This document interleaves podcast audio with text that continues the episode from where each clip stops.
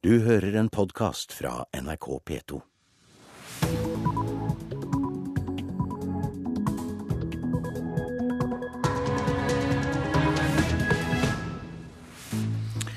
Klokka er 6.30 torsdag 12. april. Øystein Heggen ønsker deg velkommen til Nyhetsmorgen. Vi har disse hovedsakene.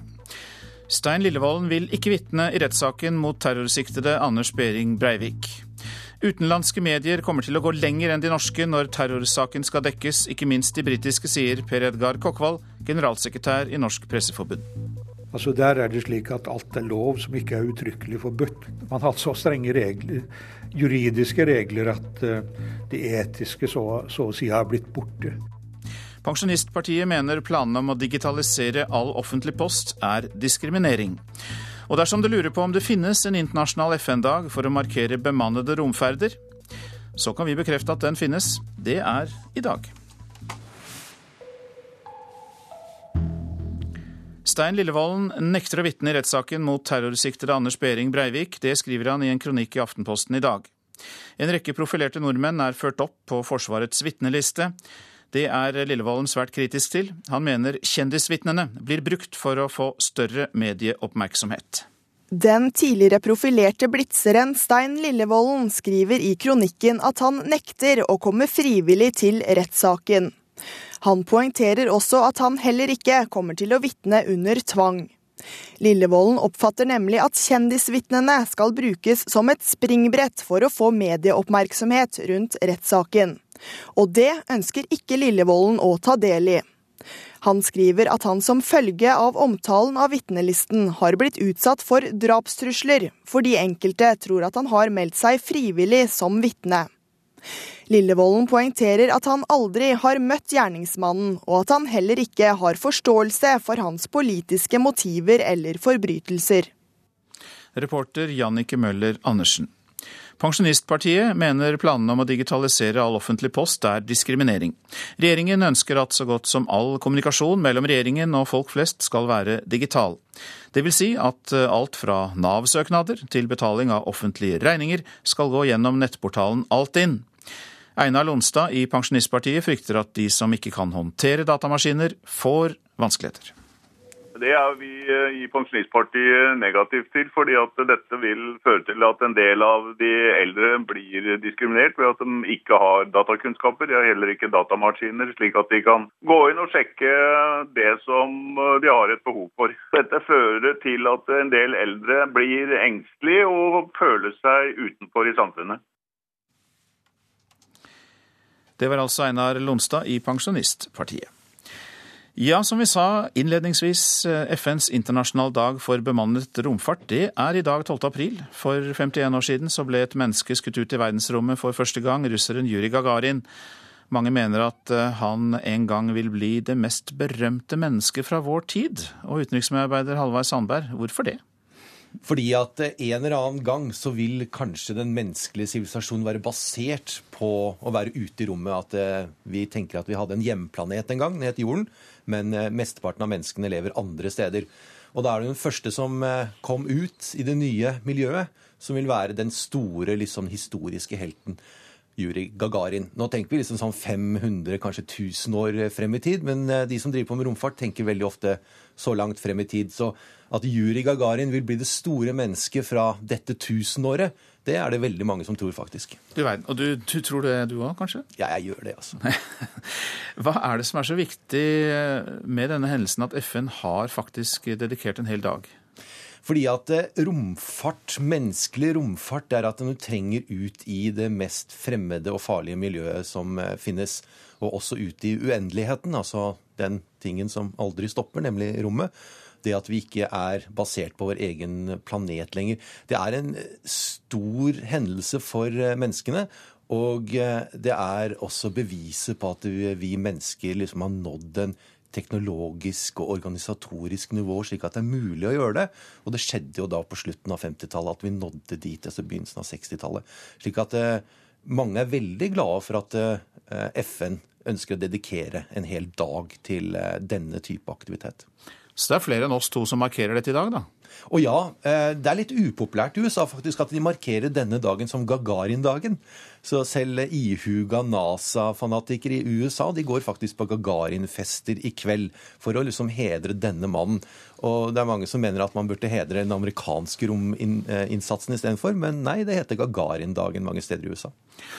Men da USA, for å ta det, satte folk på månen, så gikk vi jo mann av huset for å se TV hos naboene for å få det med oss, og satt og ventet på at dette skulle skje.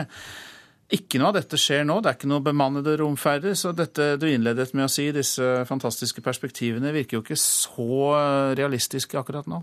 Nei, det er fordi at det er så utrolig dyrt å sende mennesker ut i eh, rommet. Det er mye billigere å sende satellitter og eh, sonder eh, rundt omkring, for at mennesker krever en sånn stor infrastruktur rundt seg.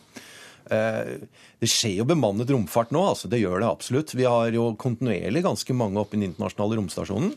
Og så driver kineserne på og sender eh, mennesker ut i rommet. Og mange har planer eh, å sende mennesker ut i rommet, bl.a. Eh, private. Du kan jo kalle den der romaktiviteten til Virgin Galactic, han Branson sitt lille prosjekt, med å sende mennesker og betalende turister opp i 100 km høyde. Da blir du kalt astronaut når du liksom bare tar en titt ovenfor, og så detter ned igjen. Og det er jo liksom kalles romfart. da. Så, og der er det mange, der er det jo mange hundre som har betalt billett allerede. Og det kommer jo til å skje i løpet av en kort tid. Og du? Har du lyst til å være med? Ja, hvis NRK betaler billetten på et par 300 000 kroner for meg, så blir jeg gjerne med. Oppfordringen gikk der videre fra deg, Halvard Sandberg, vår utenriksmedarbeider og romfartsmedarbeider, må vi også si. Hjertelig takk for at du kom i studio. Hele det østlige Asia er nå i beredskap foran en annonsert oppskyting av en langdistanserakett fra Nord-Korea. Raketten er klargjort og fylt med drivstoff og skal sendes ut i rommet innen mandag, ifølge nordkoreanske myndigheter.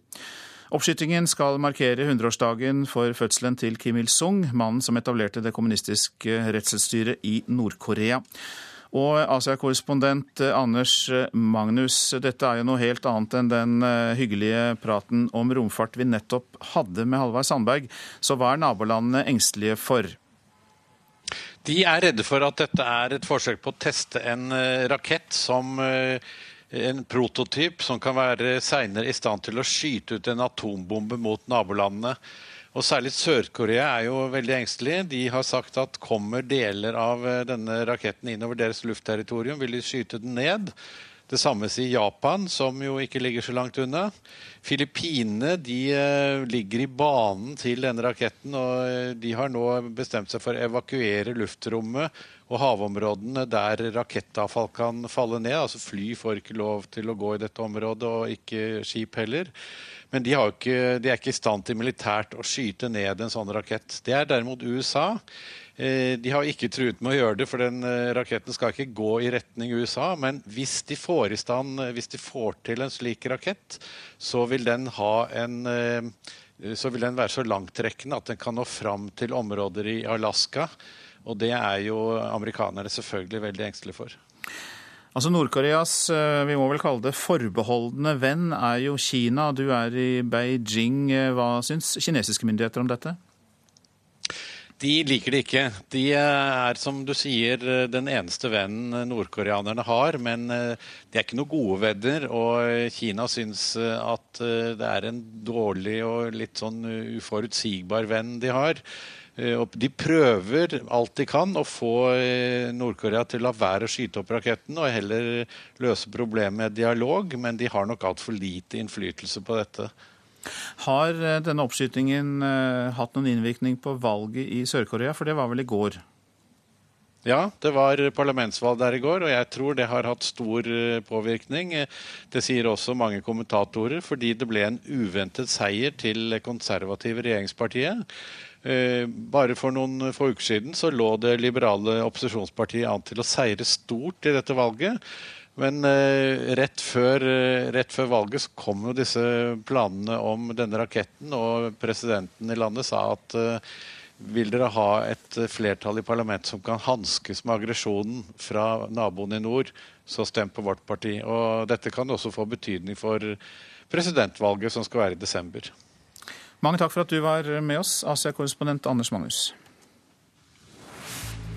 Vi skal se litt på avisenes forsider. Drapstruet i fengselet, skriver Dagbladet om Anders Behring Breivik. Til psykiatere har han sagt at det kom, er kommet to konkrete drapstrusler, og at han kjenner navnene på minst ti personer som vil drepe ham.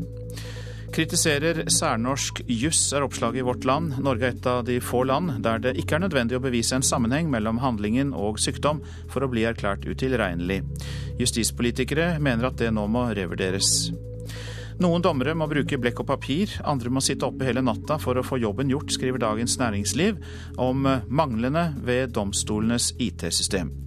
Den tekniske omleggingen har på mange måter vært mislykket, sier IKT-direktør Olav Berg Aasen. 19 politifolk har fått sparken på sju år, leser vi i Dagsavisen. Kriminelle politifolk er avslørt etter korrupsjon, seksuallovbrudd og underslag.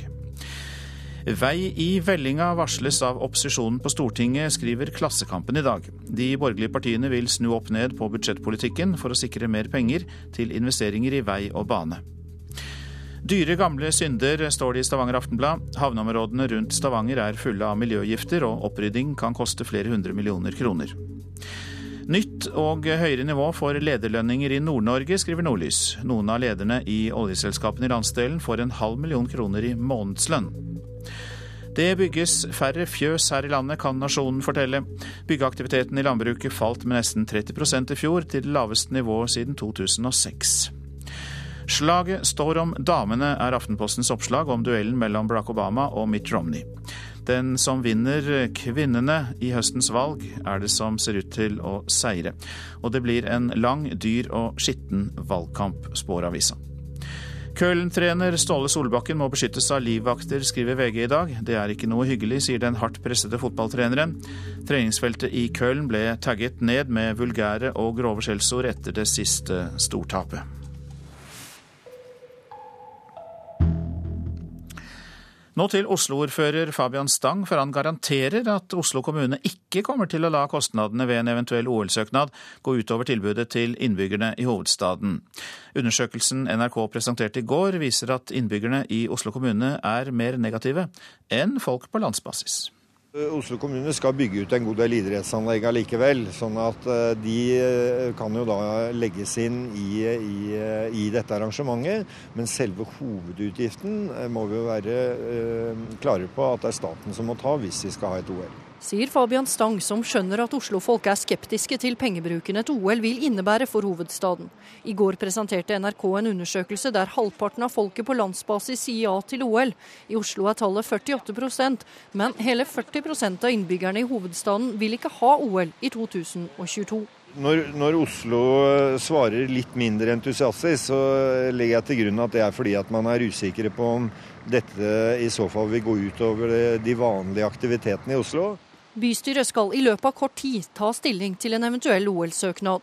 Byrådsleder i Oslo Stian Berger Røsland mener også mange i bystyret deler skepsisen i folket. Det er eh, en viss uro i forhold til eh, kostnader. Det er et stort arrangement, og det er et kostbart arrangement.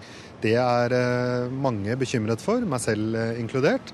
Men ifølge ordfører Fabian Stang trenger ikke Oslo-folk å bekymre seg for at regningen blir for høy for kommunen. Der tror jeg jeg kan forsikre at bystyret vil ikke ofre det vanlige tjenestetilbudet til fordel for et OL, hvis det skulle bli aktuelt å søke. Så, så de i Oslo som er skeptiske, de eh, håper jeg blir, eh, blir mer positive hvis, eh, hvis staten bidrar med pengene, sånn at de ikke ødelegger Oslos økonomi.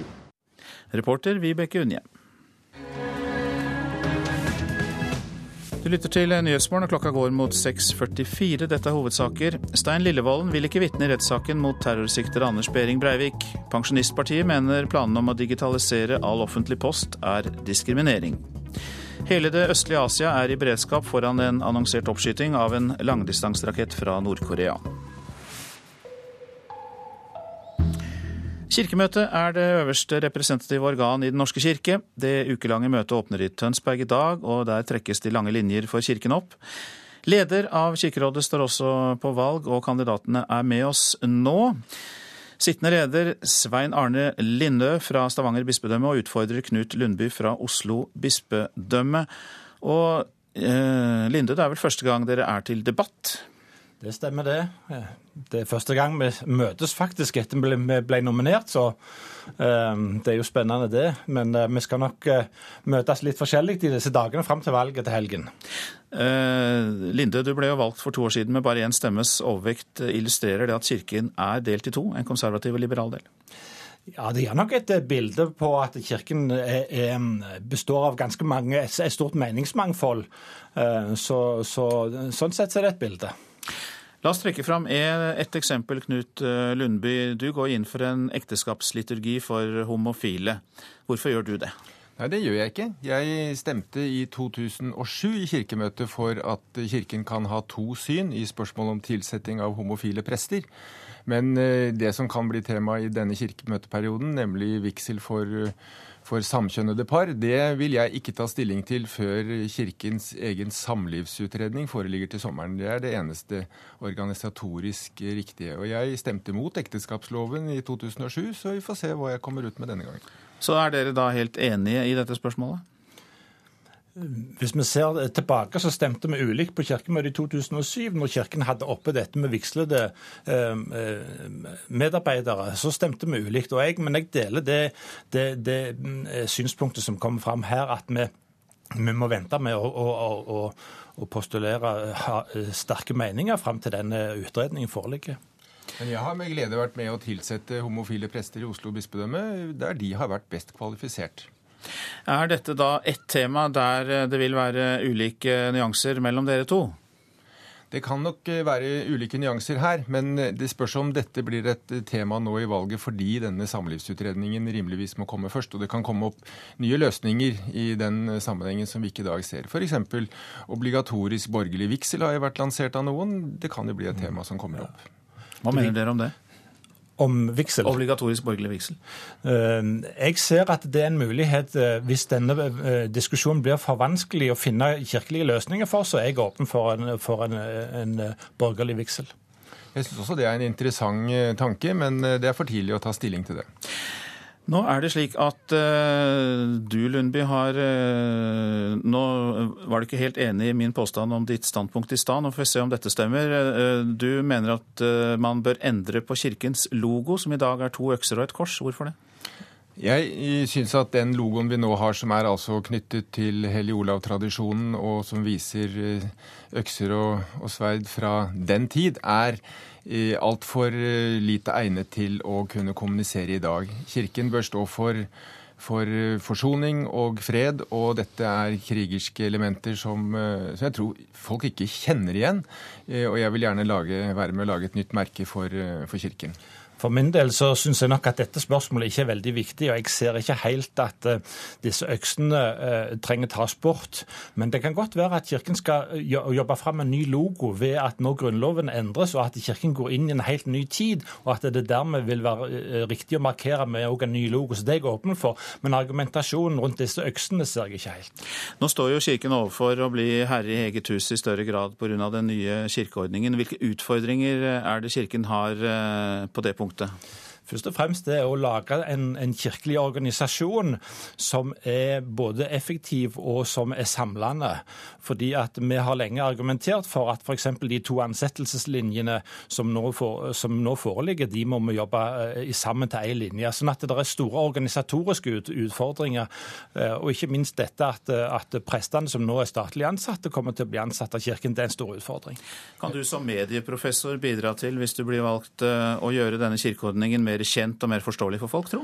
Jeg tror det er en vel så viktig utfordring som å få laget en god organisasjon. Det er å gjøre folk trygge på at Kirken er der fortsatt, og at den som ønsker å tilhøre Kirken, skal være velkommen og vite at en kan kjenne seg hjemme. Og Det er en, en kjempeutfordring, fordi det er ikke et skille mellom stat og kirke som blir tilfellet nå. Det vil fremdeles være en god del statskirkelige elementer selv om eh, staten ikke lenger skal ha en, en evangelisk-luthersk bekjennelse, og selv om det kirkelige statsråd, der kongen var formelt øverste leder, blir demontert. La meg teste et eh, standpunkt eh, på dere. Som folk forstår. Kirkemøtet skal jo ta stilling til ny salmebok, og det har vært en del debatt rundt Nordahl Griegs tekst til ungdommen. Den ble jo aktualisert 22.07. Uh, ja, Hvordan stiller dere dere til at at en ateistisk forfatters tekst skal inn i salmeboka?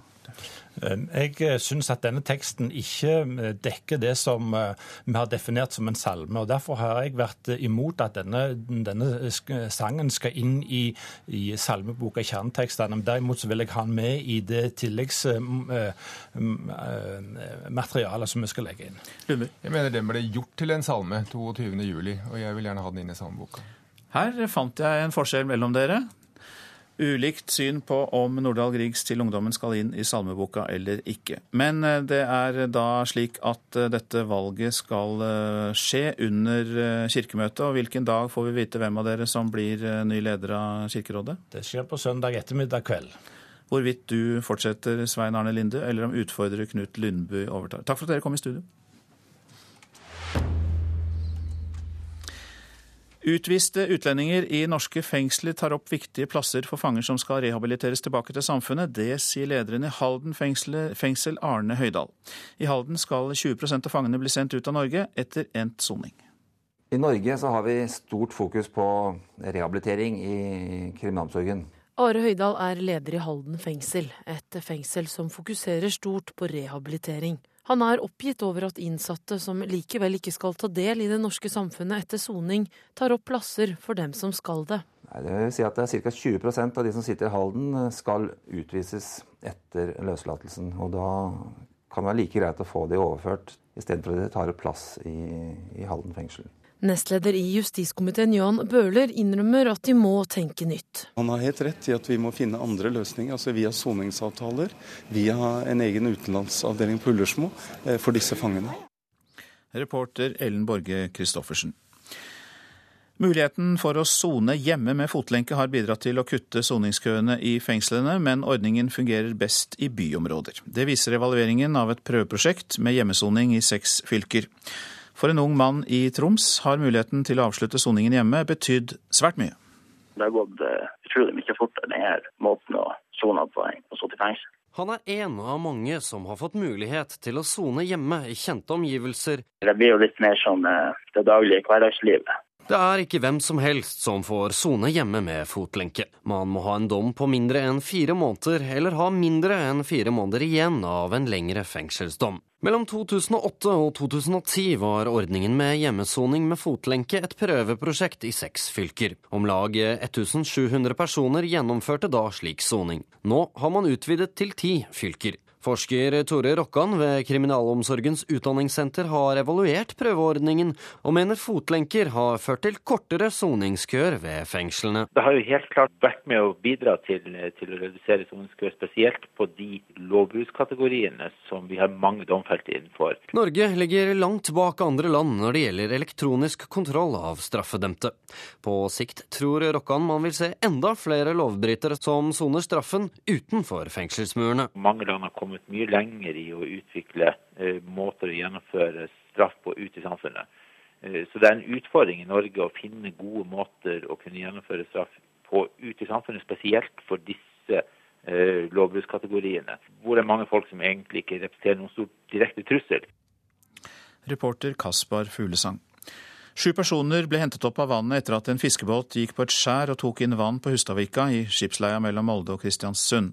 Ifølge Hovedredningssentralen skal alle være i god behold. Både helikopter og flere båter deltok i redningsarbeidet.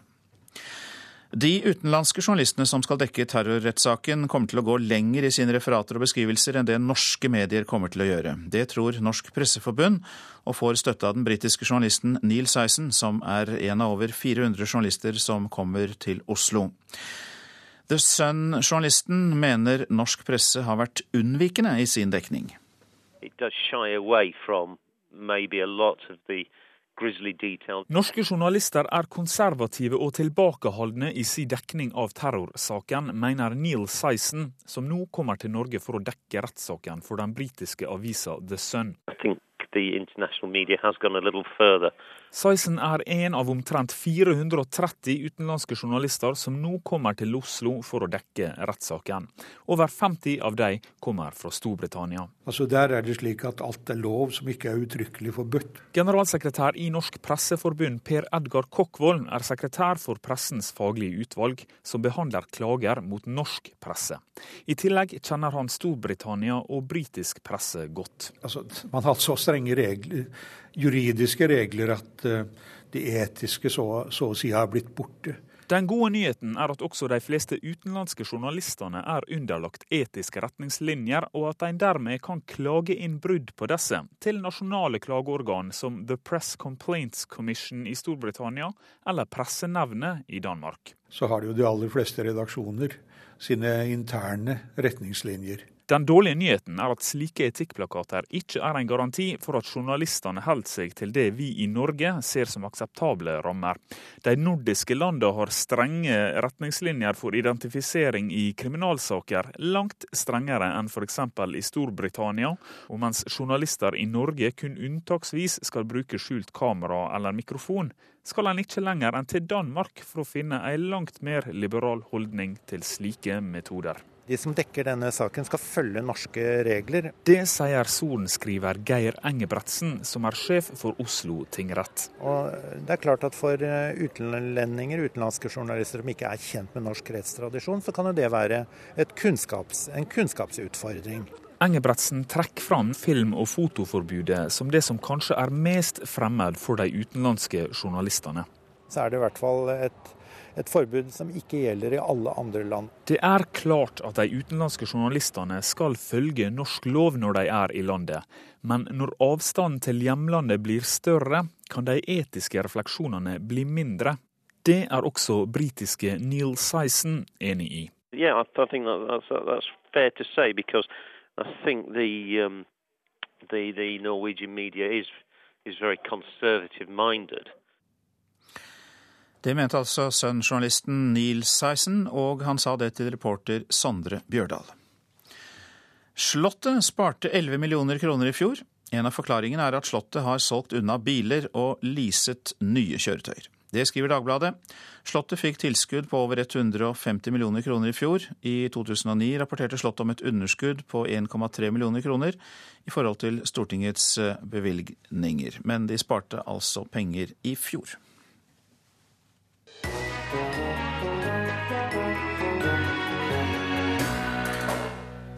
Hendelsen kalles det, dagen da Sør-Afrikas landsfar Nelson Mandela dør. Nå er Mandela Archives lansert, der man har samla enorme mengder film, bilder og dokumenter fra hans liv. Kritikerne mener man burde vente at han faktisk er død, og at det overspiller Mandelas rolle i frigjøringsbevegelsen. Hør mer i Radioselskapet etter Dagsnytt klokka 11. Så skal vi ta oss av værvarselet. Fjellet i Sør-Norge en del snøbyger. Østlandet får sludd- og snøbyger nord for Mjøsa, i sør enkelte regnbyger fra i ettermiddag. Vest-Agder, Aust-Agder og eh, Telemark. Eh, enkelte regnbyger utpå dagen også i eh, snø i høyden. I kveld stort sett oppholdsvær. Dette var altså Vest-Agder, Aust-Agder og Telemark. Rogaland regnbyger, snø over 600-800 meter. I kveld stort sett opphold. Hordaland får regnbyger, snø over 600-800 meter, og eh, også der stort sett opphold eh, seinere i dag. Sogn og Fjordane nordøst opp i liten kuling på kysten. Ved Stad blir det sterk kuling. Enkelte regnbyger, snø over 500-600 meter. I kveld stort sett oppholdsvær. Møre og Romsdal kan vente seg liten kuling på kysten, og den øker til stiv kuling etter hvert. Regn av og til, snø over 400-600 meter. Fra i ettermiddag lettere vær og perioder med sol. Trøndelag nordlig liten kuling på kysten. Perioder eh, med regn, snø over 300-400 meter. I kveld enkelte sludd- eller snøbyger. Så var det Helgeland, Saltfjellet og Salten. På kysten perioder med stiv kuling, regn og sluddbyger. Snø i indre og høyere strøk. Ofoten, Lofoten og Vesterålen. Opp i stiv kuling utsatte steder i Lofoten og Vesterålen. Sludd og snø. Troms i kveld nordvestlig liten eller stiv kuling på kysten, enkelte sludd- og snøbyger, og det blir økende nedbør til kvelden. Kyst- og fjordstrøkene i Vest-Finnmark enkelte sludd- og snøbyger. Øst-Finnmark og Finnmarksvidda litt snø og sludd av og til. Nordensjøland på Spitsbergen pent vær, men etter hvert mer skyet. Temperaturer målt klokka fem. Svalbard lufthavn minus 11. Kirkenes og Varde begge pluss to. Alta minus to. Tromsø-Langnes null grader. Bodø pluss to. Brønnøysund pluss tre. Trondheim-Værnes null grader. Molde pluss to. Bergen-Flesland pluss fire. Stavanger og Kristiansand begge pluss fem. Gardermoen pluss tre. Lillehammer pluss to. Røros er nede i minus seks grader, og Oslo-Blindern hadde pluss fire grader klokka fem i natt.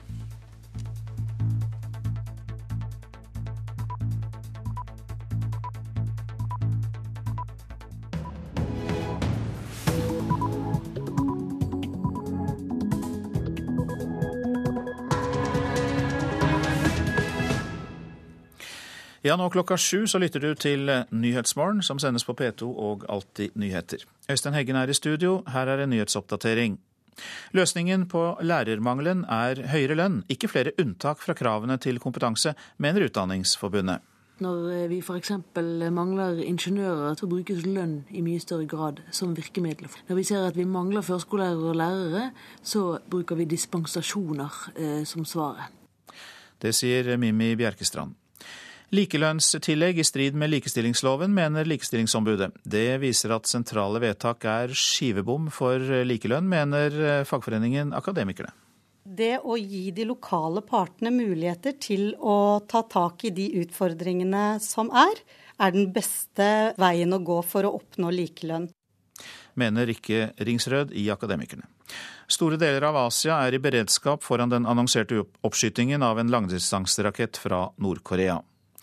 Utviste utlendinger i fengsel tar opp plasser for fanger som skal rehabiliteres til samfunnet igjen, mener fengselsdirektør. Det er ca. 20% av de som sitter i Halden skal utvises etter løslatelsen. Og da kan det være like greit å få de overført istedenfor at de tar opp plass i, i Halden fengsel. Are Høydal fra Halden fengsel. Stein Lillevolden nekter å vitne i rettssaken mot terrorsikter Anders Behring Breivik.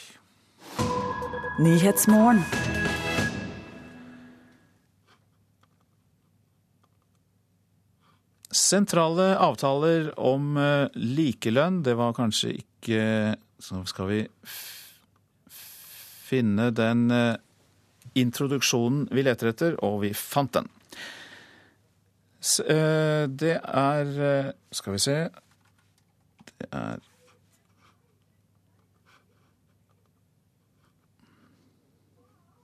Det er Vi leter etter den.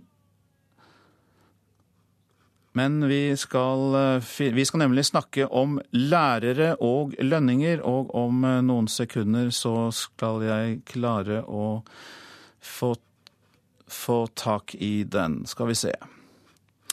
Kommunene åpner pengesekken for å skaffe seg flere ingeniører og økonomer, men senker kravene til formell kompetanse når de skal fylle stillinger i skole og barnehager. Det vil Utdanningsforbundet ha en slutt på, og vil bruke lønnsoppgjøret til å skaffe høyere lønn til lærere og førskolelærere. Jeg starta med å definere lyrikk ironisk. Foreleseren tolker kompliserte dikt i et stort auditorium på Høgskolen i Oslo. Jeg tror vi skal se på et dikt av Grov Dale som står på side åtte i det heftet deres. 40 lærerstudenter sitter på rad og rekke og lytter med store øyne. Snart skal de ut og undervise. Studentene tror høyere lønn hadde lokka flere bak kateteret. For lønn har jo uansett noe å si. Selv om motivasjonen selvfølgelig ikke bør ligge der. Jeg vet at det hadde lokket enda mer for meg også, om lønnen hadde vært høyere. Jeg tror egentlig absolutt, ja. Og det tror også Utdanningsforbundet. Svaret er lønn. En må altså ha høyere lønn for den kompetansen som førskolelærere og lærere har, hvis vi skal ha sjanse til å rekruttere flere. Sier leder Mimi Bjerkestrand. Barnehagene mangler 6000 førskolelærere. Grunnskolen hadde 1800 ukvalifiserte lærere i fjor. Og ifølge SSB kan vi om få år mangle 18 000 lærere. På samme tid arbeider opp mot 50 000 utdanna lærere og førskolelærere i andre yrker. Det vi ser at når vi f.eks. mangler ingeniører til viktige prosjekter som skal utføres, så brukes lønn i mye større grad som virkemiddel for å få tak i kompetansen. Når vi ser at vi mangler førskolelærere og lærere, så bruker vi dispensasjoner eh, som svaret. Og det er jo her det blir feil medisin for å løse et problem. Rekordmange jobber nå som førskolelærere uten at de har den utdanninga de skal ha. Også i skolen er det mange ukvalifiserte som underviser. Når en ikke gjør det en kan for å rekruttere, så vil det være svært mange barn som har en barnehagedag uten en førskolelærer. Og det er i skolen eh, veldig mange som må gå i store klasser med store grupper. Eh, og at eh, hver elev ikke får den kontakten og oppfølgingen av læreren som de fortjener. Lønnsoppgjøret i offentlig sektor er i gang. På den ene sida av forhandlingsbordet sitter bl.a. Utdanningsforbundet. På andre sida Kommunenes sentralforbund og forhandlingsleder Per Kristian Sundnes. Vi er nødt til å bruke det som kommunene allerede har fått tildelt i statsbudsjettet til å bruke eh, på lønn. Eh, så det må fordeles på de gruppene som vi har behov for å rekruttere. Der er førskolelærerne, der er lærerne, men der er også andre grupper. Eh, og det er nå slik at ingen kommer til å bli fornøyd med resultatet av lønnsoppgjøret. Og så får vi se hvem som blir mest misfornøyd, og om det er noen som syns at dette er greit. Reporter her, det var Eirin Årdal. Og velkommen til deg, Lena Jensen. Du er leder for det nye foreldreutvalget for eh, barnehager. og Hvilke følger eh, mener du det får at mange lærere og førskolelærere er uten formell kompetanse? Det, det, viktigste vi har, er jo uh, ungene våre. Og det er at vi kan være sikre på at de, de har en god dag. At de har folk som, som kan unger. Eh, som, som er god på, god på, barn, god på utvikling av unger. Og, og gi dem den hjelpa når de trenger hjelp. Og det kan vi som foreldre først være sikre på når at vi har utdanna folk. Så det å sikre at vi har nok utdanna folk, og at de får godt nok betalt, er det aller viktigste eh, som vi må sikre. Så det å sikre at vi har utdanna folk både i barnehagen og skole, er noe av det viktigste vi som voksne eh, har for å kunne sikre at ungene våre har en, har en god dag og får en god framtid. Men eh, kan ikke skoler og barnehager også nyte godt av at det er enkelte der som ikke har den formelle utdanningen, men som har andre fortrinn, erfaring fra øvrig yrkesliv? Mm, selvfølgelig. Og det har vi jo. Eh, vi har, eh, vi har mange. Vi har, de som jobber i barnehager og skoler, er flinke, er dyktige folk. Men vi har for mange som ikke har kompetanse, som ikke har den formelle kompetansen, og som ikke heller blir gitt den kompetansen som de trenger, eller faglig påfyll. Og det må vi lage et system på, og det må kommunene som har ansvar for barnehager og for skole, ta alvorlig. Eh, det er den viktigste jobben som vi har i kommunene i dag. Det er å sørge for at ungene våre har en, har en god dag, får hjelp når de trenger det, og får uh, ha det morsomt og, og får lære og, og leke. Uh, og det at man, man kan unger, man har lært seg det, det skal man ikke, ikke kimse av. Og vi ser jo også at de kommunene og de barnehagene og de skolene som faktisk satser på kompetanse, de får enda flere kompetente folk til seg. Fordi at, eh, fordi at det å gå og jobbe i et faglig miljø er givende og er spennende for alle som jobber der. Det å ta de som jobber i barnehagene og skole på alvor. Men uh, dere skal jo være et rådgivende organ for og med foreldre med barn i barnehage, og dere er også en hørings, høringsinstans for departementet. Så hva gjør dere for å endre dette? Det viktigste som vi gjør, er å oppfordre kommunene eh, til å faktisk ta det ansvaret som de har blitt gitt nå. Nå har kommunene ansvar for barnehager. Eh, de har ansvar for skole, og de har det helhetlig. Alt av kvalitet og innhold har de ansvar for. Og det ansvaret er de nødt til å ta, og det må de vise. Eh, både politikere eller politikere i kommunene må, må vise det gjennom å satse på skolen, satse på barnehager. Det er det viktigste, og det er framtida vår. Og at vi som foreldre kan, eh, kan, gå trygt på jobb eh, og gjøre det vi skal, og vite at ungene har det bra, både på skolen og barnehager, og at man har kvalifisert nok personale. Og det har man en mulighet til å gjøre nå, når man har et nytt lønnsoppgjør, og faktisk prioritere det som er viktigst. Ja, Vi hørte jo innslaget at eh, kommunene i større grad åpner pengesekken for å få tak i ingeniører og økonomer. Og mener du at eh, den samme viljen må brukes for å få tak i lærere og førskolelærere? Blant dem som tjener dårligst eh, i dag, er de som jobber i barnehage. Eh, og, det, og sånn kan det ikke være. Skal man sette pris på noen, så må man vise at man setter pris på det. Og man har en muligheten til å, til å gjøre det nå. Mange takk skal du ha, Lena Jensen, som leder det nye foreldreutvalget for eh, barnehagene. Sentrale avtaler om likelønn i lønnsoppgjøret bør avskaffes for ansatte i staten, mener Fagforbundet Akademikerne. Likestillingsombudet har slått fast at likelønnstillegget som ble gitt i fjor, strider mot likestillingsloven. Mannen som klaget fikk nemlig rett, han ble kjønnsdiskriminert. Hvis du da i et slags misforstått eh, likestillingstilnærming gir kvinner lønn, mer lønn enn menn bare fordi de er kvinner, så etablerer du jo også et, eh, et objektivt motsetningsforhold mellom kvinnelige og mannlige kolleger. Professor Per Morten Scheflo klaget på kjønnsdiskriminering da kvinnelige kolleger på NTNU, Universitetet i Trondheim, fikk ett lønnstrinn mer enn mennene. Og det tjener jo ingen. Altså det er jo å la til likestillingspendelen ikke, ikke stoppe ved likestilling, men slå ut slik at du diskriminerer menn. Men den mannlige professoren fikk medhold av Likestillingsombudet som skriver at universitetet brøt likestillingsloven i fjor. Saken kan ankes, men forhandlingsleder i Akademikernes stat, Rikke Ringsrød, tror ikke det hjelper stort. Jeg tror at eh, han har en god sak. Og problemet er jo at eh, arbeidsgiveren ved NTNU også har vært nødt til å følge sentrale føringer som kommer fra flertallet ved bordet i FAD. Den sterke sentrale føringa på kvinner skal prioriteres. Den er veldig vanskelig å håndtere lokalt, og legger veldig skarpe føringer på vår handlefrihet. Sier personalsjef Arne Christian Hestnes ved NTNU. I dag starter lønnsforhandlingene i staten, og forhandlingsleder Rikke Ringsrød i Akademikerne sier Likestillingsombudets uttalelser viser at slike tillegg bør ut av de sentrale avtalene det har vært total skivebom i forhold til de sentrale føringene som eh, flertallet i staten har beslutta. I dag sliter man lokalt ved å bruke pengene fordi at kvinner i disse stillingskategoriene tjente allerede bedre enn sine mannlige kollegaer. Igjen så er det noe med å tro at sentrale grep løser ulike utfordringer lokalt. Det betyr ikke at det noen steder tjener kvinner mindre, men da må man tilpassede lokale forhold. Og jeg mener at vi ikke kan klare å gjøre det eh, i FAD. Reporter Hedvig Bjørgum.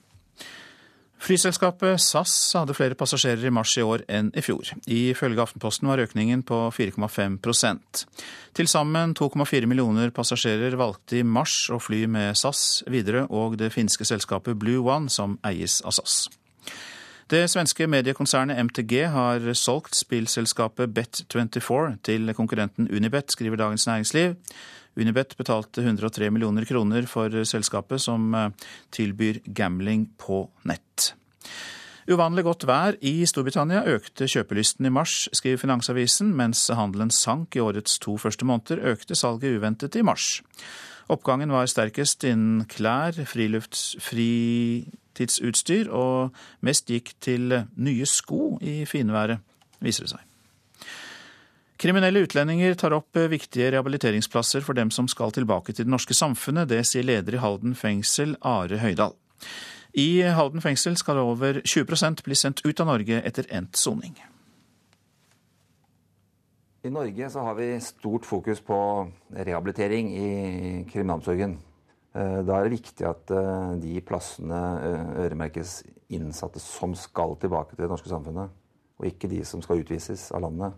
Are Høydahl er leder i Halden fengsel, et fengsel som fokuserer stort på rehabilitering. Han er oppgitt over at innsatte som likevel ikke skal ta del i det norske samfunnet etter soning, tar opp plasser for dem som skal det. Det vil si at det er Ca. 20% av de som sitter i Halden skal utvises etter løslatelsen. Og da kan det være like greit å få de overført istedenfor at de tar plass i, i Halden fengsel. For i fengselet skal tilbud om jobb og skole i hvert fall gi de innsatte en mulighet til å bli klar for livet utenfor som f.eks. på bilverkstedet, hvor en av gjengangerne nå håper på endring. Når jeg er kriminell fra før av, da er veien tilbake veldig kort. Denne gangen så skal jeg ha jobb før jeg blir løslatt. Nestleder i justiskomiteen Jan Bøhler innrømmer at de må tenke nytt. Han har helt rett i at vi må finne andre løsninger, altså via soningsavtaler, via en egen utenlandsavdeling på Ullersmo eh, for disse fangene. Og reporter var Ellen Borge Christoffersen. Du lytter til Nyhetsmorgen, klokka den går mot 7.14, og vi har disse hovedsakene. Pensjonistpartiet mener planene om å digitalisere all offentlig post er diskriminering. Oslos ordfører Fabian Stang garanterer at en, eh, et OL-arrangement ikke kommer til å svekke tilbudet til innbyggerne i hovedstaden. Og Utdanningsforbundet vil at lærerne må få høyere lønn, ikke flere unntak fra kompetansekravene. Våpenhvilen i Syria trådte i kraft klokka fem norsk tid. Det melder nyhetsbyrået Reuters. Eh, denne våpenhvilen skjer i tråd med spesialutsending Kofi Annans fredsplan, men så er det jo for tidlig å si om den blir fulgt. Tyrkia har protestert etter at syriske styrker har skutt over grensen mot flyktningleirer der. Og eh, Einar Wiggen, du arbeider ved Institutt for kulturstudier og orientalske språk ved Universitetet i Oslo, og er spesialist på tyrkisk eh, politikk. Hvilke reaksjoner har utskytingen mot flyktningleirene blitt møtt med i Tyrkia? Det har blitt møtt med off offisiell fordømmelse, men i mediene så ser det ikke ut til å være veldig stor oppstandelse om dette. Mediene har vært ganske systematisk anti-Assad, eller mot Assad, og, og, hatt sympati for opprørerne siden eh, begynnelsen av opprøret for et år siden, omtrent. Og det ser ikke ut til at dette er noe særlig overraskende for dem. Ehm, det som er eh, litt spesielt, er jo at de eh, at dette her eh, tvinger jo Tyrkia til å kanskje gjøre noe. Og det tror jeg ikke de er fullt så interessert i som de Nei, for Det man lurer på da, er om det kan gå mot en væpnet konflikt i en eller annen form mellom Syria og Tyrkia. fordi det er jo ikke Det er jo kritisk når man skyter over et annet lands grenser. Ja, det er kritisk. Men Tyrkia har tatt dette opp i FN. Og eh, de har eh, senest i går så jeg den russiske utenriksministeren Lavrov kom tilbake og sa at han hadde fått garanti fra den tyrkiske utenriksministeren om at de ikke kom til å gjøre noen eh, unilateral intervensjon i Syria. Så uh, Tyrkia tvinges på en måte til å gjøre noe. og På den ene siden ser du at Erdogan, den tyrkiske statsministeren, uh, nå øker retorikken og sier at vi skal gjengjelde med samme mynt. Men i Ankara er det veldig liten appetitt på en offensiv operasjon over grensen. Det er uh, egentlig eh, tabu i Tyrkia å drive med å, å snakke om eh, offensive operasjoner og invasjoner av andre land. Det, det driver man ikke med. Det... Nei, men Man har jo etablert i sin tid noen buffersoner inn i uh, Irak uh, for å hindre angrep fra PKK-geriljaen. Kunne man tenkt seg noe tilsvarende, at man bare går inn noen kilometer for å sikre tyrkisk grense? Det kan godt være, men jeg vet ikke helt når det blir aktuelt. Uh, det snakker man om på en helt annen måte i tyrkiske medier. Det er som om dette med en intervensjon og det med å opprette en liten, noen kilometer stor sikkerhetssone, at det, det snakkes om på helt forskjellige måter. At det nærmest er en teknisk sak som har få politiske implikasjoner, på en helt annen måte enn det. Og det vil jo ikke nødvendigvis redde særlig mange av eh, den syriske sivilbefolkningen. Sånn at det, det, er der det tyrkiske mediepresset står. La oss redde den, tyrkiske, eh, den syriske sivilbefolkningen. Men hvilken rolle ønsker Tyrkia å spille i forsøkene på å få fred i Syria? Mm, akkurat nå så spiller jo den rollen at de er en av de største pådriverne for internasjonal intervensjon. Ikke intervensjon, men det største presset kommer fra Tyrkia. Eh, Tyrkia legger veldig mye press på sine allierte, Nato, og tror også de bruker de forbindelsene de har i Iran og i Russland, til å legge press på Syria. Men eh, noen eh, meglerrolle, no, det løpet er nok kjørt. For det, de fikk eh, løfter om reformer her eh, i sommer, og det holdt jo ikke Assad. og Da ble, da ble tyrkerne veldig skuffet over det. Hjertelig takk for at du kom til oss for å orientere om denne situasjonen, Einar Wiggen fra Universitetet i eh, Oslo. I Kina foregår det største politiske dramaet siden massakren på Den himmelske freds plass i 1989, for en av kommunistpartiets største politiske stjerner har falt i unåde, er ribbet for alle verv, og samtidig er hans kone under etterforskning for drap på en britisk statsborger. Det høres ut som en kriminalroman, men er det ikke, Asia-korrespondent Anders Magnus? Eh, vi er jo vant til at maktkampen har pågått bak lukkede dører i Kina. Hva er det som skjer nå? Det begynte med en politisjef som søkte asyl på det amerikanske konsulatet i en stor by i Vest-Kina. og Det er jo så uhørt, og det jo, måtte jo bli offentlig fordi amerikanerne fortalte om dette her. Og i, eh, mens han var eh, i konsulatet, han fikk ikke asyl, han eh, forlot det senere, men da han var der, så fortalte han om sin sjef, partisjef Bo Chilais forbrytelser, og også om hans kones mulige medvirkning til dette drapet. Så slik sivet det ut til offentligheten, og, og nå har det rullet med rykter og fantastiske historier på internett, men de blir etter hvert også bekreftet eh, av partiet selv, og det er noe ganske nytt eh, her i Kina. Nå er det jo partikongress til høsten, og det er ikke småtteri, for et nytt lederskap skal pekes ut. og Får dette noen følger for hvem man velger til nye ledere i Kina? Absolutt. Bo Xilai, som nå er fratatt alle verv og sparket ut i det ytterste mørket, han var Eh, en av de aller største politiske stjerner. Og det var ventet at han skulle bli medlem av eh, politbyråets stående komité, som er de ni eh, menn eh, som styrer dette landet her. Nå eh, blir ikke han med der, og heller ikke sannsynligvis deler av hans fraksjon, som er venstresiden, de som de man kan kalle maoistene i partiet. Og Det er mange rykter nå om at uh, de liberale forsøker å renske ut uh, også andre medlemmer av denne fraksjonen til Bochilai. Det får vi ikke vite sannsynligvis før til høsten, men, uh, men det er nok sannsynligvis svære maktkamper som foregår innad i partiet nå. Men så er det da, som du nevnte, en høytstående partileders kone som blir etterforsket for drap på denne briten. Så da fungerer rettssystemet i Kina når en person så høyt oppe blir etterforsket? Nei, det kan man absolutt ikke si. Han døde i november i fjor. og eh, Da sa politiet at han døde fordi han drakk seg i hjel. Eh, og han ble straks etter kremert, slik at man ikke kunne foreta noen eh, obduksjon av han. Så den eneste grunnen til at hun nå er under etterforskning, er at at mannen da har falt i politisk unåde. Så det fortsatt så er det slik i Kina at uh, politikken styrer over rettssystemet. Mange takk skal du ha, Asia-korrespondent Anders Magnus. Det er lite sannsynlig at Nord-Korea kommer til å gjennomføre den planlagte prøveoppskytingen av en langdistanserakett i dag, melder japanske medier. Årsaken skal være dårlig vær i området der oppskytingen skulle ha funnet sted. Nordkoreanerne selv hevder at de skal skyte opp en værsatellitt. Venezuelas president Hugo Chávez har reist hjem, til, eh, hjem fra Cuba, der han har vært gjennom en tredje runde med strålebehandling mot kreft. Chávez valgte å avbryte oppholdet i Havanna for å kunne være i Caracas på tiårsdagen for det mislykkede kuppforsøket mot ham i 2002. Den amerikanske sektlederen Charles Manson har for tolvte gang fått avslag på sin søknad om benådning. I 1971 ble Manson dømt til døden for å ha planlagt drapene på Sharon Tate og fire andre i Hollywood. Det ble senere gjort om til livsvarig fengsel. Ifølge fengselsmyndighetene i Los Angeles er det nå 15 år til 77 år gamle Manson kan søke om benådning igjen. Og vi holder oss i USA, hvor en eh, drapssak har vakt uvanlig sterke følelser og anklager om rasediskriminering.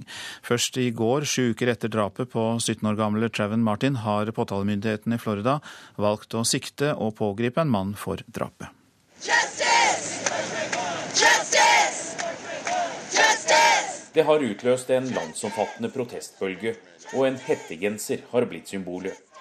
17-åringen som ble drept i Sanford, Florida, hadde ikke våpen. Nabolagsvakta som skjøt ham, hevdet han handlet i selvforsvar. Demonstrantene mener det handler om rasediskriminering og hatkriminalitet, som også gjennomsyrer politiet. Trayvon Martin var svart. Vakta George Zimmermann var hvit og spansktalende. Politiet fant ikke grunn til å tvile på Zimmermanns forklaring. Han mente Martin, kledd i hettegenser, så mistenkelig ut og begynte å følge etter tenåringen som hadde vært på butikken. Simmermann ringte politiet og varslet, men ble anbefalt ikke å gå videre.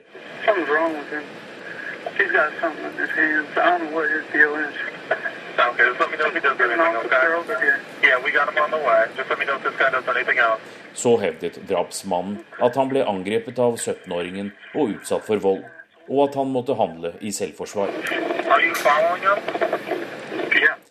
Florida har loven Stand Your Ground, som åpner for dødelig makt der man føler seg truet på livet. Det har vært flere uker med protester om at saken smaker av rasisme. Selv presidenten har tatt opp saken. I think all of us have to do soul searching to figure out how does something like this happen. And that means that we examine uh, the the for what happened, uh, as well as the sp- specifics of the incident. But my main message is, is uh, to the parents of uh, Trayvon Martin. Um, you know, if I had a son, he'd look like Trayvon. En spesialoppnevnt påtalemyndighet i Florida har nå konkludert med at de vil prøve saken for retten. Zimmermann er nå siktet for forsettlig drap. Han meldte seg selv for politiet i går kveld etter å ha gått under jorda siden drapet i februar. Zimmermann sitter nå i arresten. Saken og folkeprotesten har vokst. Den handler nå ikke bare om en spansktalende nabolagsvakt som angivelig ble angrepet eller provosert av en tenåring, men om diskriminering av svarte og våpenlovene her i USA. Anders Tvegård, Washington. Det er tid for å si litt om hva som står i avisene. Drapstruet i fengselet, skriver Dagbladet om Anders Behring Breivik. Til psykiatere har han sagt at det er kommet to konkrete drapstrusler, og at han kjenner navnene på minst ti personer som vil drepe ham. Kritiserer særnorsk juss, er oppslaget i Vårt Land. Norge er et av de få land der det ikke er nødvendig å bevise en sammenheng mellom handling og sykdom for å bli erklært utilregnelig. Justispolitikere mener det nå må revurderes. Noen dommere må bruke blekk og papir, andre må sitte oppe om natten for å få jobben gjort, skriver Dagens Næringsliv om manglene ved domstolenes IT-system. Den tekniske omleggingen har på mange måter vært mislykket, sier IKT-direktør Olav Berg Aasen. 19 politifolk har fått sparken på sju år, leser vi i Dagsavisen. Kriminelle politifolk er avslørt etter korrupsjon, seksuallovbrudd og underslag. Vei i vellinga varsles av opposisjonen på Stortinget, skriver Klassekampen. De borgerlige partiene vil snu opp ned på budsjettpolitikken for å sikre mer penger til investeringer i vei og bane. Dyre, gamle synder, skriver Stavanger Aftenblad. Havneområdene rundt Stavanger er fulle av miljøgifter, og opprydding kan koste flere hundre millioner kroner. Nytt og høyere nivå for lederlønningene i Nord-Norge, skriver Nordlys. Noen av lederne i oljeselskapene i landsdelen får en halv million kroner i månedslønn. Det bygges færre fjøs her i landet, kan Nasjonen fortelle. Byggeaktiviteten i landbruket falt med nesten 30% i fjor, til det laveste nivået siden 2006. Slaget står om damene, er Aftenpostens oppslag om duellen mellom Barack Obama og Mitt Romney. Den som vinner kvinnene, vinner høstens valg i det som ser ut til å bli en lang, dyr og skitten valgkamp, skriver avisa. Köln-trener Ståle Solbakken må beskyttes av livvakter, skriver VG. Det er ikke noe hyggelig, sier den hardt pressede fotballtreneren. Treningsfeltet i Köln ble tagget ned med vulgære og grove skjellsord etter det siste stortapet. Hjemkommunene til de drepte og overlevende etter 22. juli-angrepene vil være i beredskap under rettssaken mot Anders Behring Breivik. I Hordaland ble sju kommuner rammet da fem ungdommer fra fylket mistet livet på Utøya, og 20 overlevde tragedien. Nå står kommunehelsetjenesten klar til å hjelpe dem som får behov for støtte underveis i rettssaken. Nå er det vel rettssak og rettssak og rettssak dag ut og dag inn. De neste ukene vil bli krevende for Ragnar Eikeland og de andre som mister noen eller var på Utøya 22.07. Det er klart det kommer til å bli beintøft, men vi må gjennom det. Men klare til å hjelpe står heimkommunene til de omkomne og overlevende fra Utøya.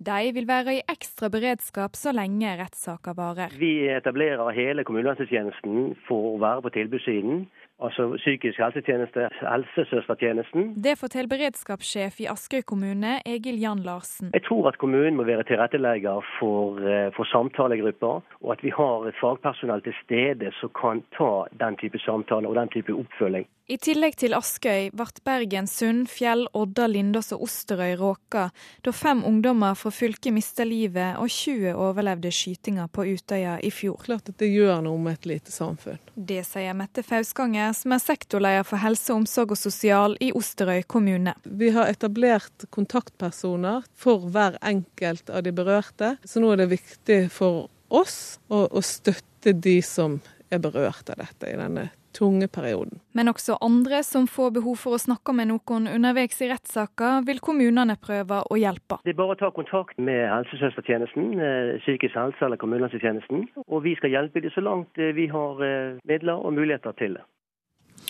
Reporter er Hanne Marie Molde. Du lytter til Nyhetsmorgen i NRK P2. Etter Dagsnytt skal vi fortelle om en teltleir i Kiev i Ukrainas hovedstad protesterer tilhengerne av tidligere statsminister Julia Timosjenko mot dommen mot henne på sju års fengsel. Landbruksoppgjør og borgerlig samarbeid er to av stikkordene for Politisk kvarter, som altså da begynner kvart på åtte. I studio i dag, Øystein Heggen, produsent for Nyhetsmorgen, Elin Pettersen. Og før vi slipper til Silje Sande med Dagsnytt, så kan vi legge til at du kan sende oss tips eller kommentarer på e-posten nyhetsmorgen.krøllalfa.nrk.no, krøllalfa nrk.no, altså nyhetsmorgen.krøllalfa.nrk.no. krøllalfa nrk.no.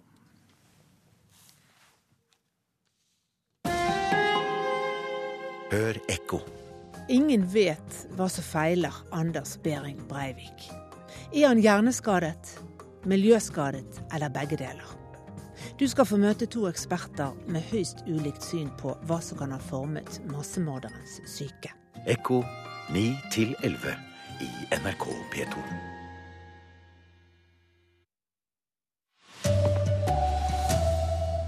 Ufaglærte tar hånd om mange skolebarn. De utdanna lærerne jobber alle andre steder enn i skole og barnehage. Kriminelle utlendinger fyller opp rehabiliteringsplassene for norske fanger som skal ut igjen i samfunnet. Og en OL-søknad fra Oslo kommer ikke til å gå utover andre tilbud. Det lover ordfører Fabian Stang. Her er NRK Dagsnytt klokka 7.30. Det er mangel på utdanna lærere og førskolelærere i norske skoler og barnehager. Det gjør at rekordmange nå jobber med barn uten å være utdanna til det. Samtidig arbeider opp mot 50 000 utdanna lærere og førskolelærere i andre yrker. Løsninga på lærermangelen er høyere lønn heller enn flere dispensasjoner, mener Utdanningsforbundet. Jeg starta med å definere lyrikk ironisk. Foreleseren tolker kompliserte dikt, og studentene lytter med store øyne i et auditorium på Høgskolen i Oslo. Snart er de ferdig utdanna lærere. Studentene tror flere hadde valgt den veien om lønna var høyere. Jeg tror at det vil kunne gi flere studenter. Ja, for lønn har jo uansett noe å si. Og det tror også Utdanningsforbundet. En må altså ha høyere lønn for den kompetansen som førskolelærere og lærere har, hvis vi skal ha sjanse til å rekruttere flere. Barnehagene mangler 6000 førskolelærere. Grunnskolen hadde 1800 ukvalifiserte lærere i fjor. På samme tid arbeider opp mot 50 000 utdanna lærere og førskolelærere i andre yrker. Når vi f.eks. mangler ingeniører til viktige prosjekter som skal utføres, så brukes lønn i mye større grad som virkemiddel for å få tak i kompetansen. Når vi ser at vi mangler førskolelærere og lærere, så bruker vi dispensasjoner eh, som svar. Og rekordmange jobber nå som førskolelærere uten at de er utdanna til det. Mange ukvalifiserte lærere underviser i skolen. Det betyr at kvaliteten på det tilbudet som gis i barnehage og i skole blir dårligere. Lønnsoppgjøret i offentlig sektor er i gang. Utdanningsforbundet møter Kommunenes sentralforbund og forhandlingsleder Per Kristian Sundnes. Vi er nødt til å bruke det som kommunene allerede har fått tildelt i statsbudsjettet. Eh, så det må fordeles på de gruppene som vi har behov for å rekruttere.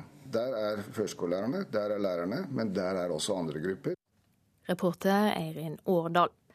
Sentrale avtaler om likelønn i lønnsoppgjøret bør bort i det kommende lønnsoppgjøret, det mener akademikerne. En slik likelønnsavtale var grunnen til at kvinnelige professorer ved NTNU ble favoriserte ved det lokale lønnsoppgjøret i fjor. Nå har Likestillingsombudet slått fast at det var brudd på lova. Den mannlige professoren som klager, er glad for støtta. Hvis du da i et slags misforstått eh, likestillingstilnærming gir kvinner lønn, mer lønn enn menn bare fordi de er kvinner, så etablerer du jo også et, eh, et objektivt motsetningsforhold mellom kvinnelige og mannlige kolleger. Professor Per Morten Scheflo klaget på kjønnsdiskriminering da kvinnelige kolleger på NTNU, Universitetet i Trondheim, fikk ett lønnstrinn mer enn mennene. Og det tjener jo ingen. Altså det er jo å la til likestillingspendelen. Ikke, slå, ikke stoppe ved likestilling, men slå ut slik at du diskriminerer menn. Den mannlige professoren fikk medhold av Likestillingsombudet, som skriver at universitetet brøt likestillingsloven i fjor. Saken kan ankes, men forhandlingsleder i Akademikernes stat, Rikke Ringsrød, tror ikke det hjelper stort. Jeg tror at eh, han har en god sak. Og problemet er jo at eh, arbeidsgiveren ved NTNU også har vært nødt til å følge sentrale føringer. Kvinner skal prioriteres. Den er veldig vanskelig å håndtere lokalt. Sier personalsjef Arne Christian Hestnes ved NTNU.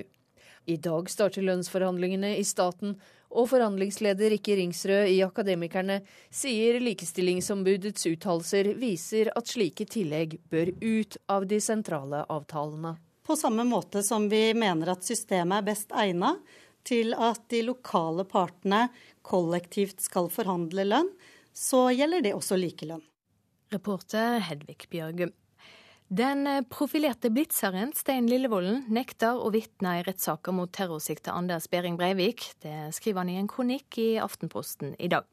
En rekke kjente personer er ført opp på Forsvarets vitneliste. Lillevolden mener kjendisvitner blir brukte for å få større mediemerksemd. Ei drapssak i USA har ført til uvanlig sterke kjensler og skuldinger om rasediskriminering. Offeret var svart, gjerningsmannen hvit. Først i går, sju uker etter drapet på 17 år gamle Trayvon Martin, har påtalemakta i Florida valgt å sikte og pågripe en mann for drapet.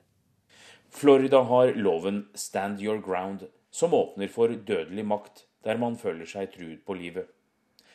Det har vært flere uker med protester om at saken smaker av rasisme. Selv presidenten har tatt opp saken.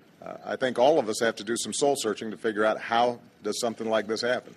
And that means that uh, the laws and the context for what happened, uh, as well as the sp- specifics of the incident. But my main message is, is uh, to the parents of uh, Trayvon Martin. Um, you know, if I had a son, he'd look like Trayvon. En spesialoppnevnt påtalemyndighet i Florida har nå konkludert med at de vil prøve saken for retten. Zimmermann er nå siktet for forsettlig drap. Han meldte seg selv for politiet i går kveld etter å ha gått under jorda siden drapet i februar. Zimmermann sitter nå i arresten. Saken og folkeprotesten har vokst. Den handler nå ikke bare om en spansktalende nabolagsvakt som angivelig ble angrepet eller provosert av en tenåring, men om diskriminering av svarte og våpenlovene her i USA.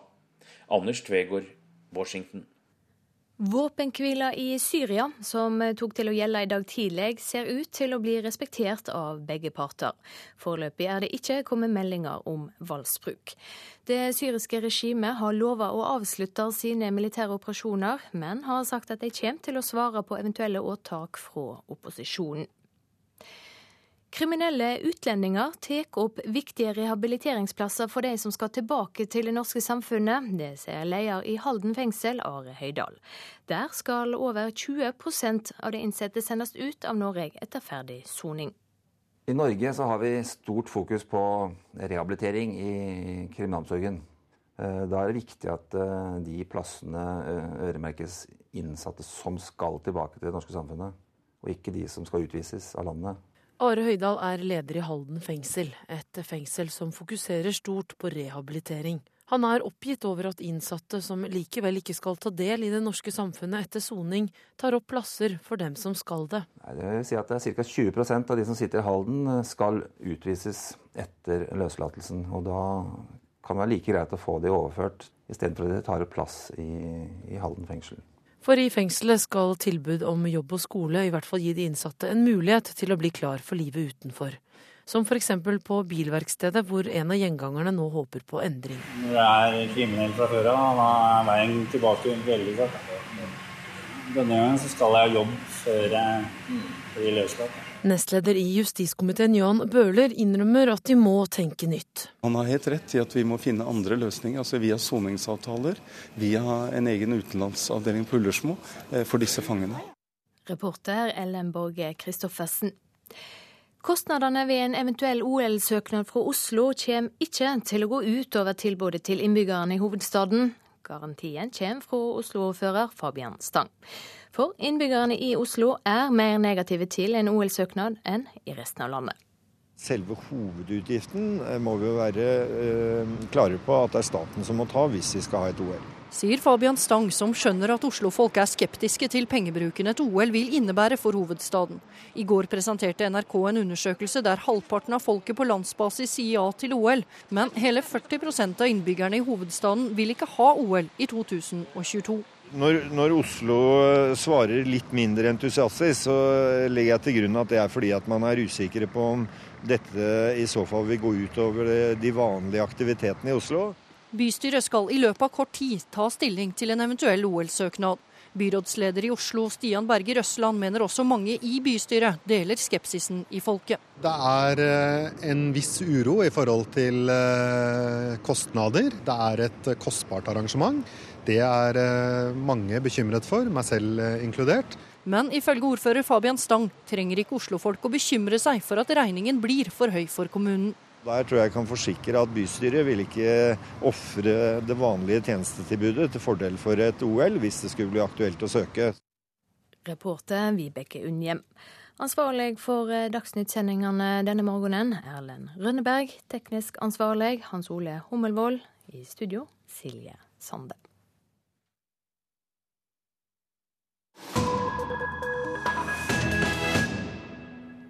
Ja, du lytter til Nyhetsmorgen. Nå til Ukrainas hovedstad Kiev, for der har tilhengerne til tidligere statsminister Julia Timosjenko satt opp en teltleir for å vise sin støtte.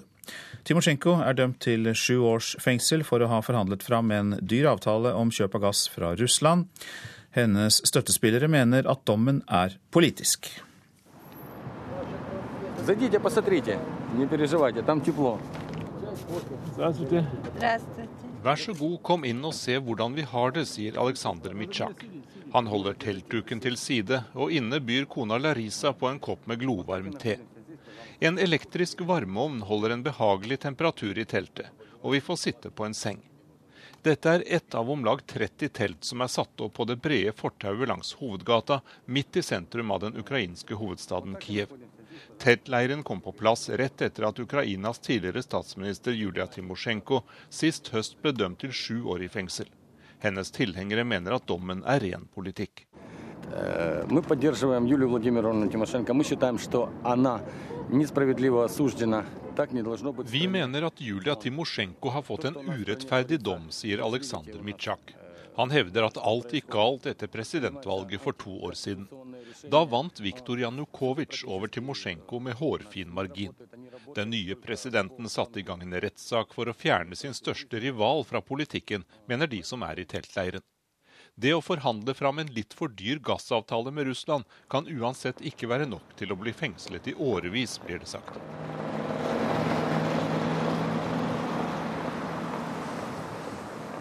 Saken mot eh, Julia Timosjenko gjør at eh, Ukraina blir stadig mer isolert i forhold til resten av Europa. EU har inntil videre innstilt eh, forhandlingene om en handelsavtale med landet. Og i Organisasjonen for samarbeid og sikkerhet i Europa, OSSE, så er det stadig flere som krever at det må settes inn forskjellige typer tiltak mot Ukraina, kanskje straffetiltak pga. behandlingen av den tidligere statsministeren. Eh, men her på gata i Kiev så er folk flest ganske delte i meningen om eh, Timosjenko har fått en rettferdig eller en helt urettferdig politisk dom. Я считаю, что она посадила, посадили ее справедливо, потому что как jeg synes at Julia Timosjenko har fått en rettferdig dom, sier denne mannen. Han mener det er bra at den tidligere statsministeren har blitt dømt etter de samme lovene som gjelder for alle borgere i Ukraina. Ну, это э, негативная, конечно, часть нашей реальной жизни в Украине. Это, конечно, прискорбно очень. Я никогда... Det som skjer med Timosjenko er sørgelig, sier denne mannen. Han understreker at han aldri har stemt på hennes parti, men han sier det er helt åpenbart at president Janukovitsj har brukt rettsapparatet til å fjerne en politisk konkurrent. Til syvende og sist går dette utover alle ukrainere, mener han.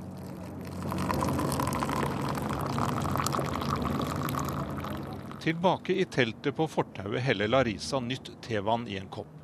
Hun sier at teltleiren kommer til å stå inntil myndighetene fjerner den, eller inntil Julia Timosjenko kommer tilbake i politikken.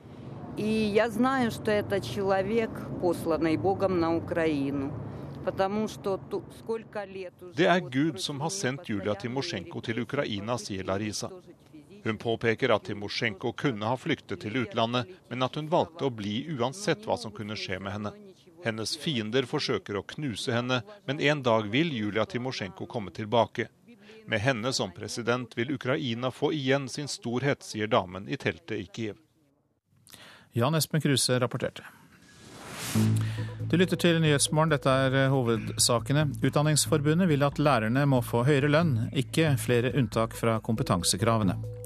Utviste utlendinger i fengslene tar opp plasser for fanger som skal rehabiliteres til samfunnet igjen, mener fengselsdirektør. Og likelønnstillegg er i strid med likestillingsloven, mener Likestillingsombudet. Men i Politisk kvarter Sigrid Solund, er det tid for opprør. Fra Senterpartiet mot Senterpartiet. Og det er landbrukspolitikken som får sinnene i kok.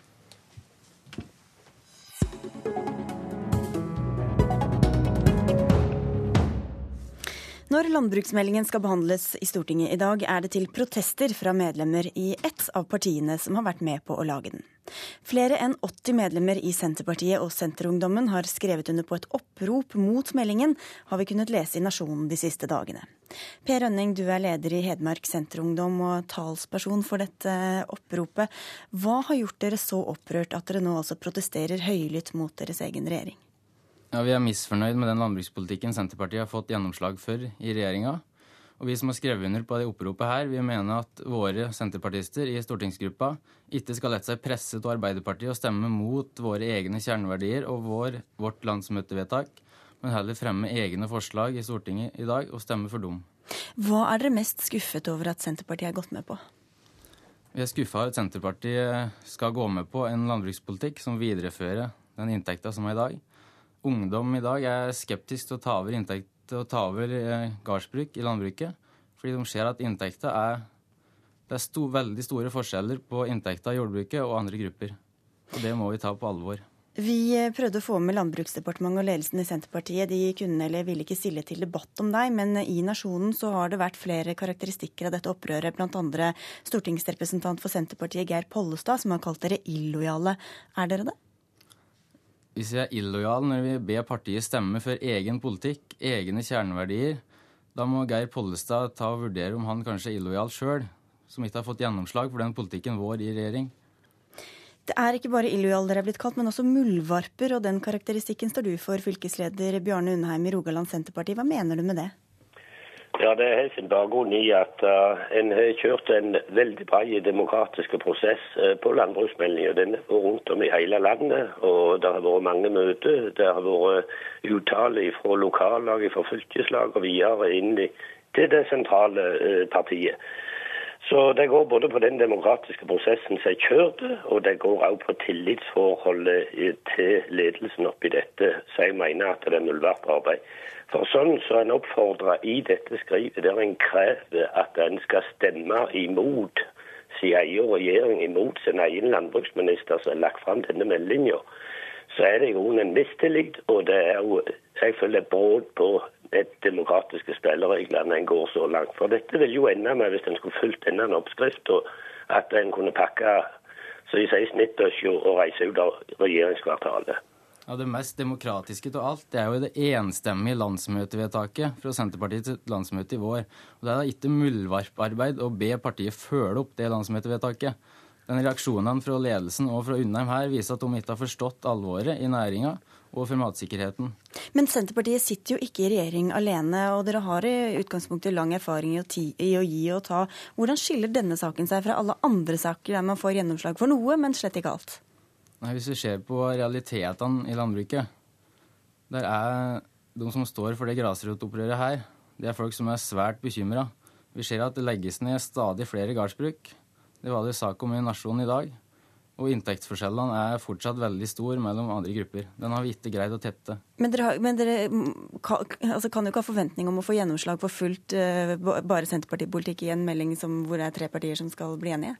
Men vi kunne ha fått langt mer gjennomslag enn det vi hadde fått i dag. Bjarne Undheim, hvor fornøyd er du med selve meldingen og innholdet i politikken?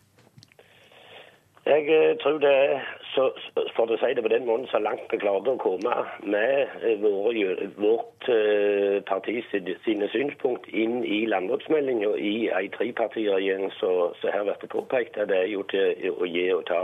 Og Det er klart det er mye godt i denne meldinga. Her står at matproduksjon skal økes i takt med befolkninga.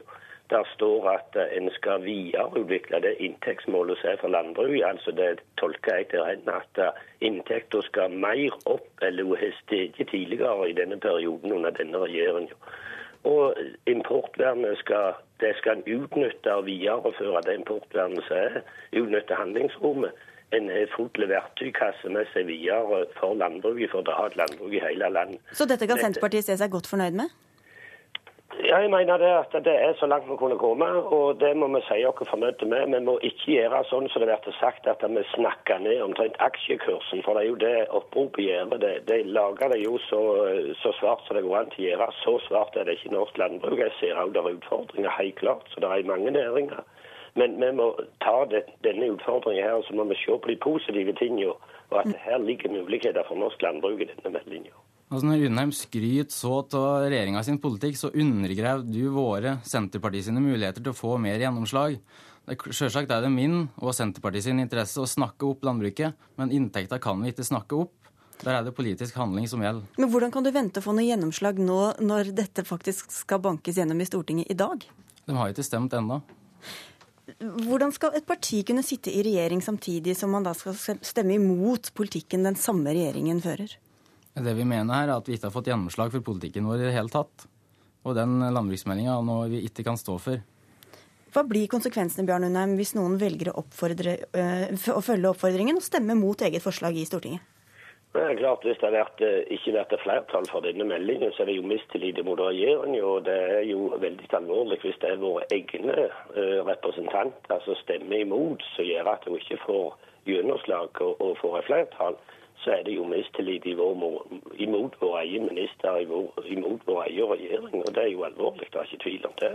Så det er jo ganske store konsekvenser. og Hvis det blir sånn at en tror en har mer gjennomslag for det er et opposisjonsparti på 5-6% så kan en jo få gode debatter i Stortinget som gir fram mange, mange forslag. Men, men det blir mye slag i lufta. Og her er en med i et regjeringssamarbeid der en gjør det en kan for å få best mulig resultat. Og hele veien så handler jo dette om hva den politiske viljen, flertallsviljen på Stortinget er for norsk landbruk, og utnytte den fullt ut. og Det mener jeg vi i Senterpartiet klart å gjort gjennom denne meldinga. Ja, Rønning, altså Kristelig Folkeparti oppfordrer senterpartistene til å stemme for eh, KrFs forslag i dag. Eh, du i oppropet sier dere tilsvarende dersom de ikke fremmer eget opprinnelig forslag. Hva blir konsekvensene? Altså, skal, skal, det gå ut av regjering? Er det et mistillitsforslag? Nei, det er ikke noe tema å gå ut av regjering. Nei. Bjarne Undheim, vi har sett ja. politiske saker der det har vært protester fra politikere både fra SV og fra Arbeiderpartiet. Hvorfor skal ikke skuffede senterpartister også kunne koste på seg et tilsvarende opprør? Eh, det har vel vært som vi kaller en del ting som foregår før Stortinget sånne ute på plassen der. Og, og det er jo blitt mindre av etter hvert som dette regjeringssamarbeidet gir seg til. Men det er jo sjelden at en har mistillit imot egen statsråd når en stemmer inn i stortingssalen. Det vet jeg ikke om det foregår tidligere i perioden. Sånn at ikke regjeringens forslag har fått gjennomslag. Så jeg er nødt til å si med samme at skiljelinjen ja, det må være kort. Skillelinjene eh, i landbrukspolitikken går ikke mellom regjeringen og Kristelig Folkeparti, men skiljelinjene går mellom regjeringen og, og Høyre og Fremskrittspartiets politikk. Der er skiljelinjen i landbrukspolitikken i Norge i dag. Må, må debatten i dag handle om hvem som har den beste landbrukspolitikken på Stortinget, ikke hvem som har den verste. Og avstemmingen kommer senere i dag. Vi får uh, følge med. Takk skal dere ha, Per Rønning fra Senterungdommen og fylkesleder Bjarne Undheim i uh, Rogaland Senterparti.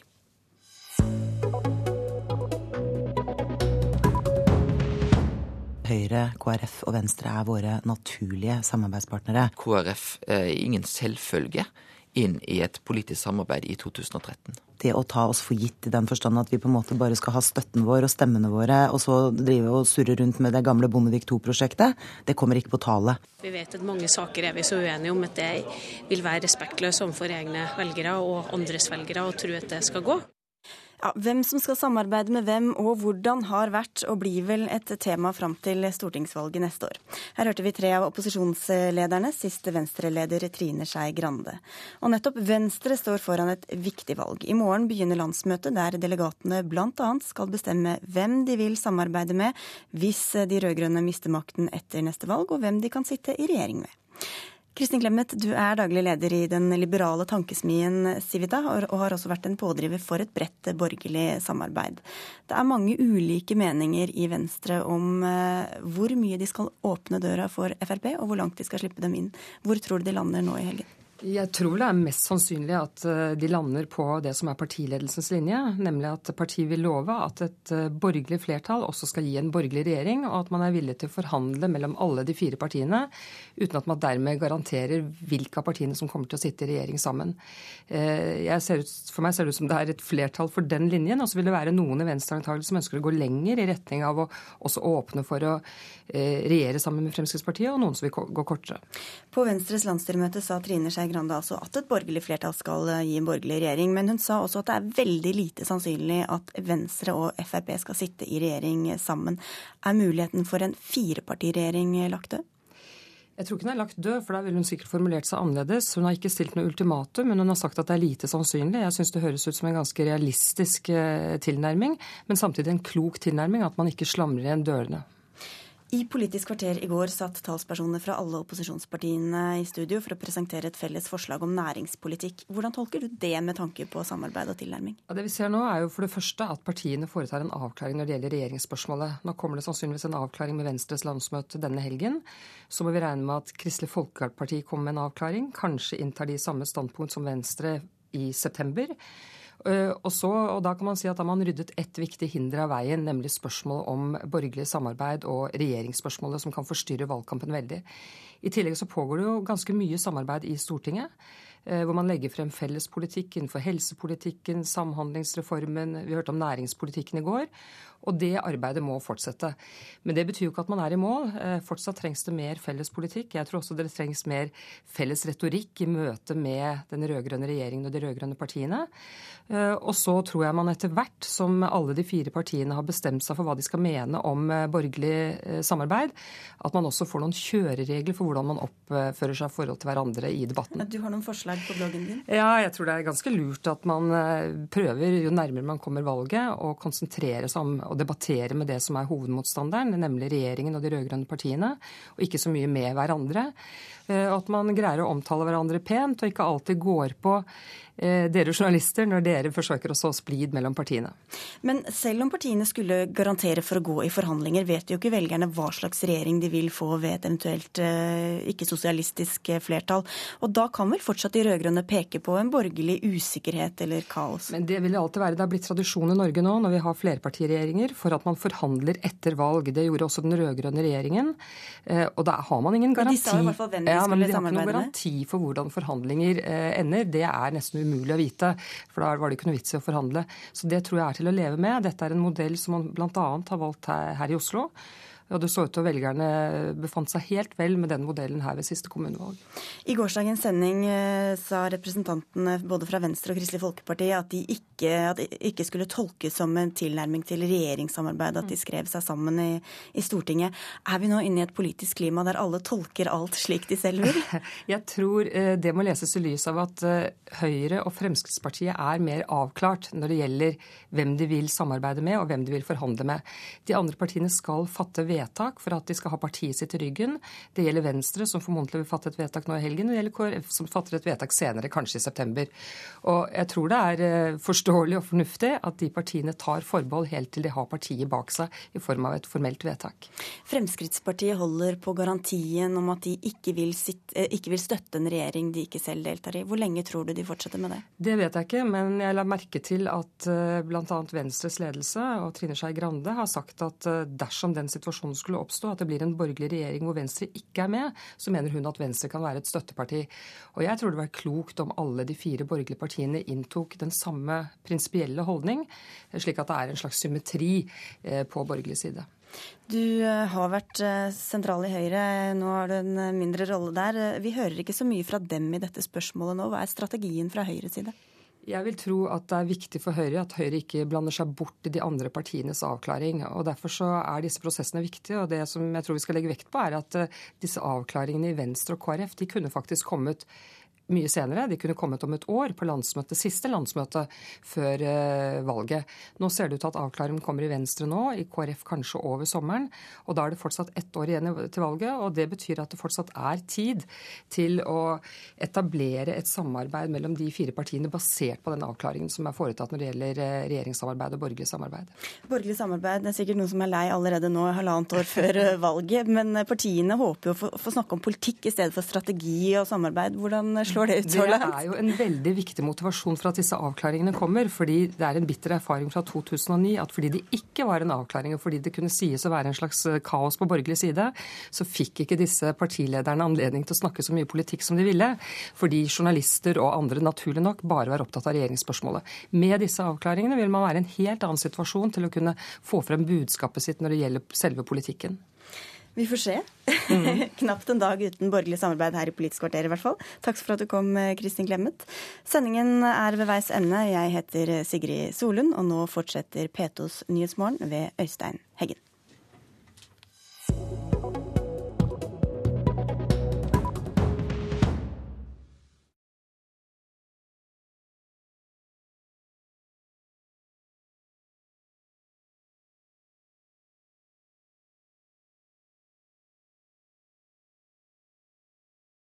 Du har hørt en podkast fra NRK P2.